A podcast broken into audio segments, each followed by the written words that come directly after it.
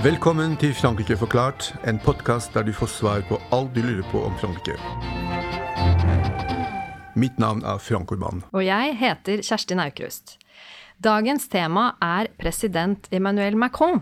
Hvem er han egentlig? Hvordan kom han til makta i Frankrike i en alder av 39 år?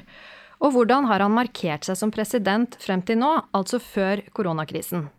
For å snakke om dette har vi fått med oss Tone Magni Finstad Vestheim. Velkommen. Takk for det. Tone er journalist med bakgrunn fra bl.a. Dagsavisen og NRK. Hun er utdannet i Frankrike og har vært bosatt i landet i fem år. I fjor ga hun ut boka 'Emmanuel Macron kampen om Frankrike' på Pax forlag.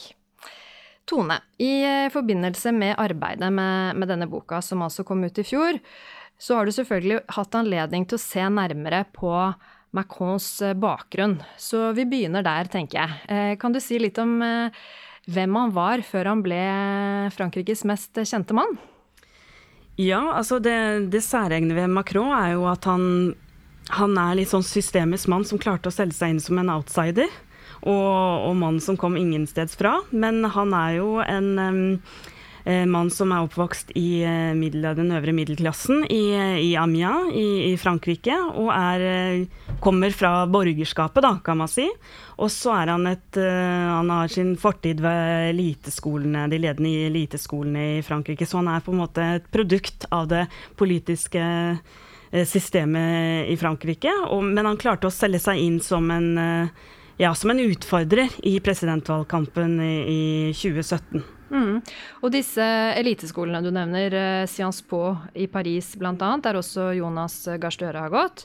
Og ENA, École nationale d'administration, som ofte kalles eh, presidentskolen, fordi de aller fleste presidenter eh, har gått der. Det, det, det sier jo at egentlig hans, hans vei til makta i så måte var ganske klassisk. Men der stopper vel likheten, ikke sant? Fordi det, det, mest eh, markante for meg når det gjelder Macron, er at han aldri har vært folkevalgt før han vant da dette store valget i 2017. Stemmer ikke det? Jo, det stemmer. Han kom jo fra Han hadde jo vært eh, minister, men eh, under eh, Hollande, som var ja, sosialistpartiets president. Og det var en veldig omstridt presidentperiode da, da Hollande eh, satt. Og Macron eh, dannet også oppsiktsvekkende nok sin egen politiske bevegelse mens han, mens han, fortsatt var i regjering. Ja, det skal vi komme tilbake til. Men, men først bare, eh, før han eh, kom inn i Élysée-palasset som eh, rådgiver til president Francois Hollande, som han vel ble, ble headhuntet til på en eller annen måte, så var han jo bankmann. Og det er jo ganske viktig for å forstå mye av den, eh, det hatet mot han i dag. Vil du ikke si det? Jo, han, han, hadde jo sin første, sin første, arbeidsdag nærmest i Rothschild, denne forretningsbanken. Eh, kjente i, i, Frankrike, som har lange røtter bakover historien. Eh, etter at eh, finanskrisen eh, oppsto. Og den banksektoren er jo omstridt i Frankrike.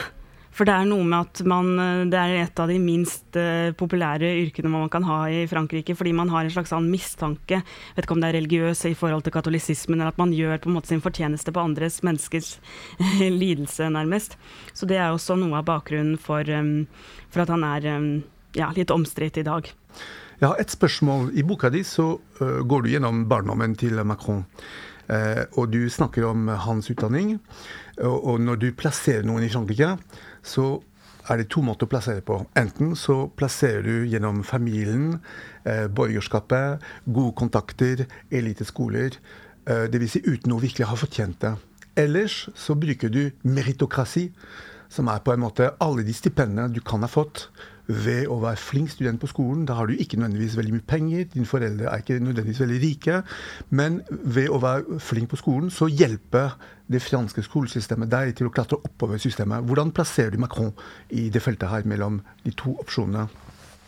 Han, en, eh, han kommer jo fra en eh, god familie, altså begge foreldrene har eh, legebakgrunn. Men samtidig så er han jo også et resultat av nettopp dette meritokratiet, som også er ganske omstridt. fordi det det tenderer jo til å vise seg at dette er kanskje litt en myte, at meritokratiet faktisk fungerer i Frankrike. At man virkelig kan bygge seg opp fra inget sted fra. Hvis man kommer fra forstedene f.eks., for så er det ikke sikkert at man, man, klarer å på en måte klatre i samfunnet på samme måte. Så, men han, jo, han har jo begge deler. Han har en god familie hvor han lærer denne ideen om at man skal nærmest er ansvarlig for egen lykke gjennom et hardt arbeid. Og, og det, denne meritokratiske tankegangen som fortsatt er til stede i hans politiske prosjekt, da, og det han vil, eh, vil, med Frankrike. At de som jobber hardt, skal lykkes og ja. Mm. Før vi går videre med denne politiske bevegelsen han da startet mens han fortsatt var en del av eh, Hollandes regjering, så bør vi kanskje nevne som et lite tabloid parentes at han da er gift med sin tidligere franske lærer, stemmer ikke det? Ja, dramalærer, ja. Dramalærer, mm. ja. Mm.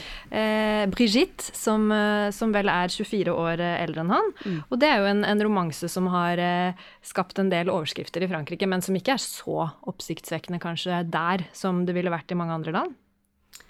Det er vel fortsatt ganske oppsiktsvekkende. Mm. Det var jo ikke lite omstridt at um, da de begynte dette forholdet, da han var såpass ung og fremdeles var uh, hennes elev. Mm. Så, og Brigitte er jo Men jeg syns også det er interessant å se på Brigitte, for jeg tror hun også har en slags uh, hatt en Hun har jo hatt, åpenbart hatt en formende um, innflytelse på Macron, og, og hun hun er jo en litt mer sånn borgerlig, kanskje noe mer konservativ. Kommer fra en konservativ eh, familie eh, i borgerskapet eh, i omtrent samme område, i Le Touquet. Så, så, jeg tror at hun har hatt en til dels formende innflytelse på han. At man ikke skal se bort ifra at hun er en slags ja, spiller i å bygge opp hans nettverk, f.eks. Rent utover det politiske, f.eks. Nå skal vi snakke litt om En Marche, altså denne bevegelsen som eh, Macron stiftet i 2016, som sagt mens han fortsatt var eh, minister. Eh, det var jo da en bevegelse han stiftet, og ikke et parti, han var veldig bevisst på det. Kan du si litt om bakgrunnen for det, det valget? Altså dette arbeidet med å manøvrere seg mot makten, det startet jo veldig tidlig. Altså kanskje tidligere enn vi Det er vanskelig å fastslå akkurat nå, men når. Men det var eh, kanskje så tidlig som i 2015, og kanskje også tidligere også, at, folk har, at mange av Macrons mentorer har hatt et håp om at han skal på en måte bli en, eh, en viktig politisk spiller i Frankrike. Så kjernen i, i bevegelsen var jo hans eh, kontakter fra, fra tiden som minister. Og dette ønsket om å overkomme høyre- og venstreaksen i Frankrike og, og, få til eh, noe nytt, da, et slags sånn politisk sentrumsprosjekt med, der man har en kombinasjon av økonomisk liberalisme, som Macron er uh, veldig uh, opptatt av, og en kulturell liberalisme. Det var jo det som var kjernen i måte, ideologien, i den grad man kan si at Amarche hadde en klar ideologisk kjerne. Og det er jo noe litt nytt i Frankrike, akkurat den kombinasjonen. Og man skulle kanskje tenke at det appellerer til ganske lite velgersegment, men eh, gitt Macrons eh, taktiske manøvre og, og ulike mm, ja, at han også hadde hellet med seg, gitt den situasjonen som oppstod i presidentvalgkampen, så, så, førte det jo faktisk fram da, dette sentrumsprosjektet. Det er jo også andre som har prøvd det tidligere, som ikke har lykkes. Men sentrum er ikke noe nytt i Frankrike. Det er noe veldig gammelt i finanspolitikk. politikk. hvis du ser på hele den fjerde republikk, så dominerte sentrum. Og ved presidentvalget i 2007 så var tredjemannen var jo, var jo eh, som også representerte sentrum, som fikk eh, bortimot 18% Sentrum i Frankrike har jo alltid veid omtrent et sted mellom 15 og 20% Tror du ikke at, på en måte, at det som bidro at Macron ble til, var jo at både venstresiden og høyresiden ble radikalisert under det valget. Og at det åpnet et, et, et rom i, i, sentrum som Macron kunne utnytte. Um, vil det være feil å si at det, at det skjedde litt sånn tilfeldig og litt strukturelt en radikalisering av begge sider? Hva, hva, hva, hva syns du om det? Nei, Man hadde jo disse primærvalgene i partiene, hvor begge disse sto, store styringspartiene, Republikanerne og Sosialistpartiet, gikk for kandidater som var eh, ytterliggående og, og, egentlig kanskje var mer svarte til ens egen menighet enn en med liksom reelle sjanser til å, til å vinne valget. Det er én faktor. Og så er det jo det at Macron hadde disse evnene til å hele tiden liksom ligge i forkant av sine konkurrenter og gradvis manøvrere dem ut. da. Ja, For å ta det primærvalget til eh, høyresiden som du snakket om, altså eh, Francois Fillon og Alain Juppé, som begge er tidligere statsministre, men som har veldig ulik eh, politisk profil innad i partiet, at det var flaks for Macron at, at det ble Fillon. Og så var det jo enda mer flaks for Macron at Fillon da tidlig i 2017 ble rammet av en enorm skandale, som gjorde at den veien mot presidentpalasset som synes eh, eh, klar for Fions del, den, den, ble mm, ødelagt, rett og slett. Og det, eh, så, så, litt flaks skal man jo ha. Og i tillegg så er det jo Vi har jo glemt å si at eh, president Francois Hollande han var jo den første presidenten under Den femte republikk som ikke tok gjenvalg. Og det er også litt flaks for Macron, er det ikke det? Eh, jeg snakket om radikalisering av venstresiden. Amon ble kandidaten for Sosialistpartiet, og det var jo ikke planlagt i det hele tatt. da, han var jo om Benoit Hamon? Ja, ja, ja. Benoit Hamon, unnskyld. Eh, fordi at eh, han fremsto som for radikal egentlig for de moderate sosialistene som begynte egentlig å se på Macron i ettertid. Fordi at han fremsto som mer kompatibel med den moderate delen av Sosialistpartiet. Eh, mens Hamon var jo for, for, altså for langt ut til venstre for dem. Mm. Så var det jo da eh, første valgomgang. Da kom eh, Macron i tet med Marine Le Pen fra ytre høyre på, eh, på andreplass. Og så var det en kamp mellom dem, og den, den kampen synes gitt eh, at Macron skulle vinne. Ja, det ser man jo hvordan han også manøvrerte på innsiden da. ikke sant? Han var jo allerede i gang med å skaffe seg sine ministre og se hvordan han kunne Altså Nøkkelen med det han gjorde i forkant, var jo på en måte Han satt i, i sosialist, Sosialistpartiets regjering, og på en måte man sier jo at Macron knuste Sosialistpartiet innenfra, og så eh, gikk han på en måte til angrep på republikanerne etter at han kom til makten ved å bl.a. velge ministrer, profiler, ikke sant, fra det republikanske partiet. Tenker du på statsministeren spesielt? Ja. Mm. Uh, Edouard Philippe. Mm, mm. Absolutt. Uh, og da, da, Macron vant over uh, Marine Le Pen, Eh, så var jo det eh, for så vidt en, en klar eh, seier. Han vant jo med rundt 65% mot hennes 35 men, men allikevel så var det jo ikke en sto, så stor seier som f.eks. da Chirac, Jacques Chirac hadde mot far Le Pen i 2002. Så hvor bred støtte vil du si at han hadde da han ble valgt? Ja, nøkkelen til å forstå Altså her i Norge så kunne det virke litt sånn som han hadde virkelig gjort store slem og et politisk eh, jordskjelv, og det hadde han jo for så vidt. Eh, men eh, nøkkelen til hans problemer er jo egentlig at han, at han har jo en ganske um, liten støtte i Frankrike. Hans politiske grunnfjell er jo det som han fikk i første runde, ikke sant, i konkurranse med de andre i de andre da, og det er 24 eh, Så kanskje hans politiske grunnfjell ligger liksom mellom 20 og 30 ikke sant. Nøkkelen er jo å ikke tro at, eh, at Macrons oppslutning var disse 66 som han, valg, som han vant med. For det er jo også noe med at han Ja, den politiske motstanderen som han hadde eh, Noen framstilte det litt som pest og Eller kolera. Eh, og det var jo også høyt antall hjemmesittere um, i det valget, så det var jo absolutt ikke en, um, en seier som var Det var en tydelig seier, men det er i, den, i de forbeholdene ved den seieren da, hvor man finner nøkkelen til hans, noen av hans problemer i dag. da. Samtidig så var det tre forhold som var viktige. Venstresiden lå i ruiner. Høyresiden var knust. Og Marine Le Pen gjorde en elendig Eh, debatt på, på, TV som knuste hennes drøm om å bli president, i hvert fall fem år fremover. Så han, Macron hadde Vi snakker om flaks. Mm. Altså Det er en helt utrolig situasjon som oppsto i den perioden. Eh, Macron, som du sier, planla jo denne seieren lenge. Hva slags visjoner hadde han eh, om presidentembetet før han tok makta? Og hvordan vil du si at de har, den visjonen har blitt en realitet i etterkant?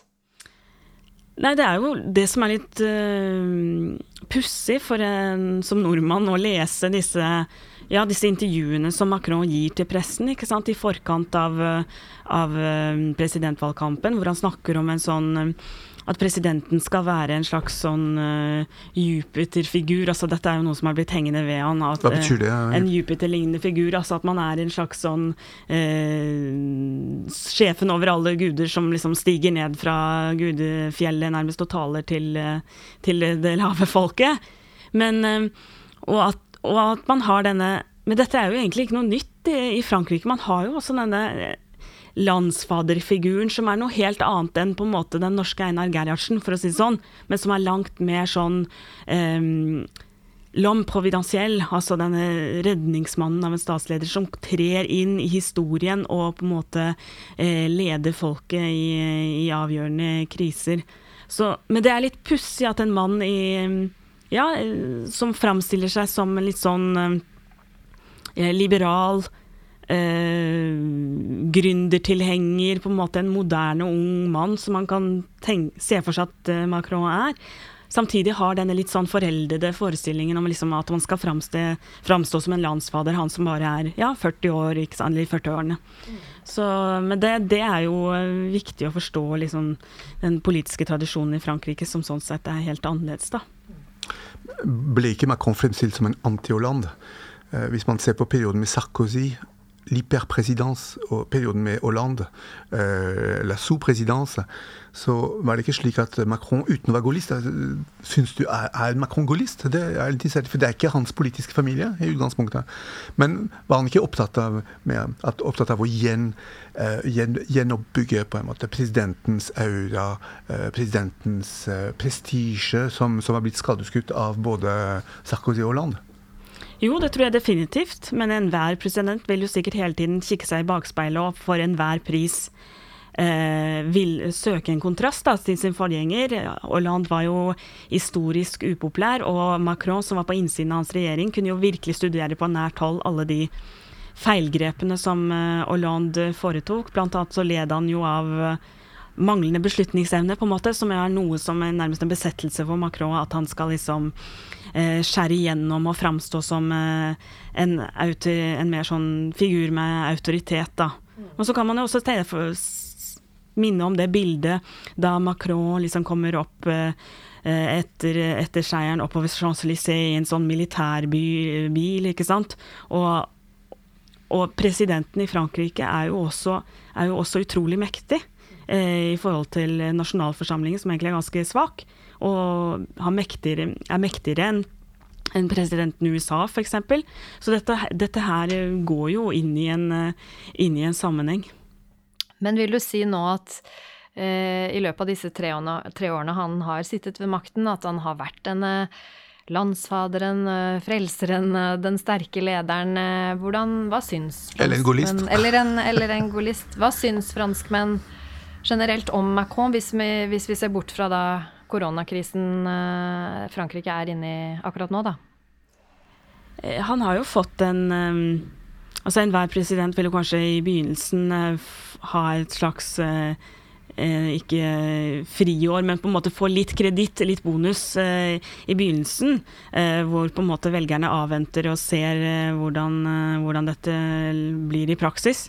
Men den perioden tok jo ganske den tålmodigheten med Macrons prosjekt og hans liberale reformiver, da, som er omstridt i Frankrike. Det er eh, Økonomisk liberalisme er, er noe helt annet eh, der enn vi, sånn vi kanskje ser det her. Eh, så jeg vil si at han fikk et hardt møte med virkeligheten ganske kjapt. Han gjennomførte jo en god del reformer, viktige toneangivende reformer, bl.a. denne her arbeidslivsreformen sin. Men så etter 18 måneder så oppsto jo de gule vestene, og det klarte nærmest å sette presidentskapet hans eh, på vent. Um, og det er jo en sosial bevegelse som var den største siden uh, eh, 1968 i hvert fall. Og, og noe helt annet enn uh, ja, en bevegelse utenfor utenfor eh, tradisjonelle partier eller fagbevegelse, men som på en måte er mer oppstå i rundkjøringene, altså i en slags ingenmannsland, på en måte. Eh, de franskmenn som faller ut av eh, demokratiet, for å si det rett ut. Og denne misnøyen er jo noe som har som har vært uh, gjennom flere tiår i Frankrike. Så um, alt skyldes jo ikke Macron, men det topper seg, det kulminerer under han. Det kulminerer under han, og det har jo også å gjøre kanskje litt også med den bakgrunnen vi snakket om i stad, at, at, han så til de grader tilhører den eliten som veldig mange av franskmenn ikke kjenner seg igjen i. Og så er det vel også litt med stilen hans som, som eh, president. Du nevnte begrepet Jupiter, og at han ser på seg selv som eh, kongen av den, den, femte republikk. Og han har også hatt en del uheldige formuleringer eh, der, eh, der en, en, form for klasseforakt har kommet til syne.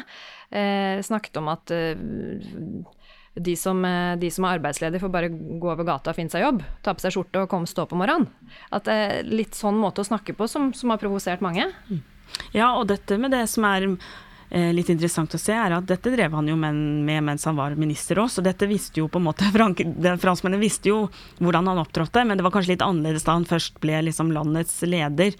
At han har denne sansen for å ja, han er jo en fighter. Han liker jo å gå i konfrontasjon, ikke sant. Og han, jeg tror kanskje at han ser for seg at, her, at dette er en måte å liksom snakke cash på, på en måte. Litt sånn Sarkozy Han er jo eh, en beundrer av Sarkozy, som også var kjent for sine um, bitende, omstridte kommentarer, så um, ja. Snakker rett fra levra, rett og slett? Ja.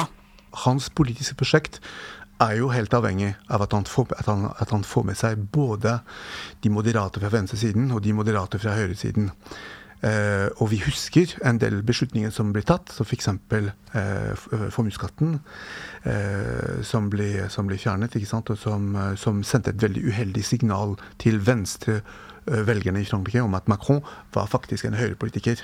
Han ble stemplet som høyrepolitiker, og han har egentlig ikke klart å bli kvitt det stempelet siden. Tror du at, at, at, det vil være hans utfordring fremover? Altså, klar, vil han kunne klare å gjenopprette de to beina? Eller er situasjonen skeiv frem til 2022? Ja, det er jo ikke godt å si. Um, men det er jo akkurat som om dette stempelet med liksom president de riche, de rikes president, at han har fått denne oppfatninga at han egentlig er uh, høyreorientert, og at det viser seg tydelig på politikken. Det vil nok være vanskelig for han, tror jeg, å, å gjenopprette um, mer troverdighet på, på den mer eh, venstrefløyen. For dette inntrykket nå, nå, er det jo gått over halvveis av mandatet hans. Og dette sitter altså Undersøkelsene som, som gjøres viser jo av, av meningsmålingsbyråer og lignende, viser jo at dette stempelet sitter ganske, ganske hardt i. Og mens han var i Hollands regjering, så var han jo også en en ansvarlig delvis for, eller en ideolog bak den høyredreiningen som Hollande foretok. Så rent ideologisk så ligger han jo lenger til høyre. Men det, vi så jo også i f.eks. i EU-valget i fjor, hvordan han klarte å Det sier jo noe om liksom, han som politisk spiller, at han klarte å på en måte erstatte de tapte velgerne fra sosialistpartiet med konservative velgere og det er jo ganske oppsiktsvekkende, for da hva sier det på en måte om den ideologiske kjernen til La République en marche, da? Tone, på slutten av hver episode ber vi vår gjest om å komme med en fransk anbefaling. Det kan være en bok, en film, en podkast, egentlig hva som helst. Hva er din anbefaling til våre lyttere? Ja, da vil jeg anbefale podkasten som heter L'Esprit Public, som er eh, på fransk kultur eh, på søndager, som, gir, som, er en god runde med politisk diskusjon, som liksom drar opp de større linjene i politikken.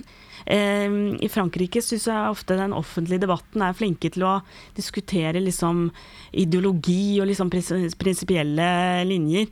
Så, så den syns jeg er eh, Den gir et godt innblikk i, i, fransk politikk. Den er veldig letistisk og litt sånn kultureliten, men det kan man bære over med, syns jeg. For det er mye interessant, mye interessant innhold. Og den er ikke minst på fransk. Uh, Kjerstin, du har også en anbefaling. og Hvor finner vi disse anbefalingene?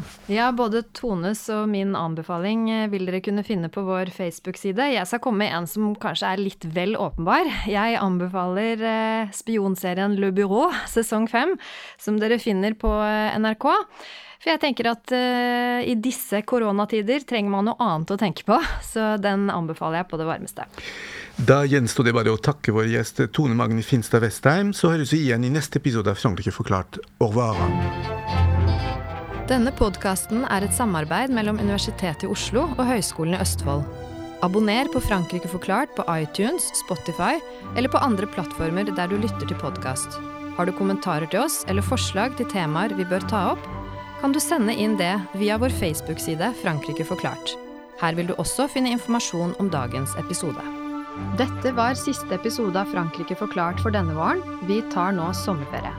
Tusen takk for at dere har fulgt oss så langt. Vi høres igjen til høsten. Følg med på vår Facebook-side for oppdateringer i løpet av sommeren. På gjenhør!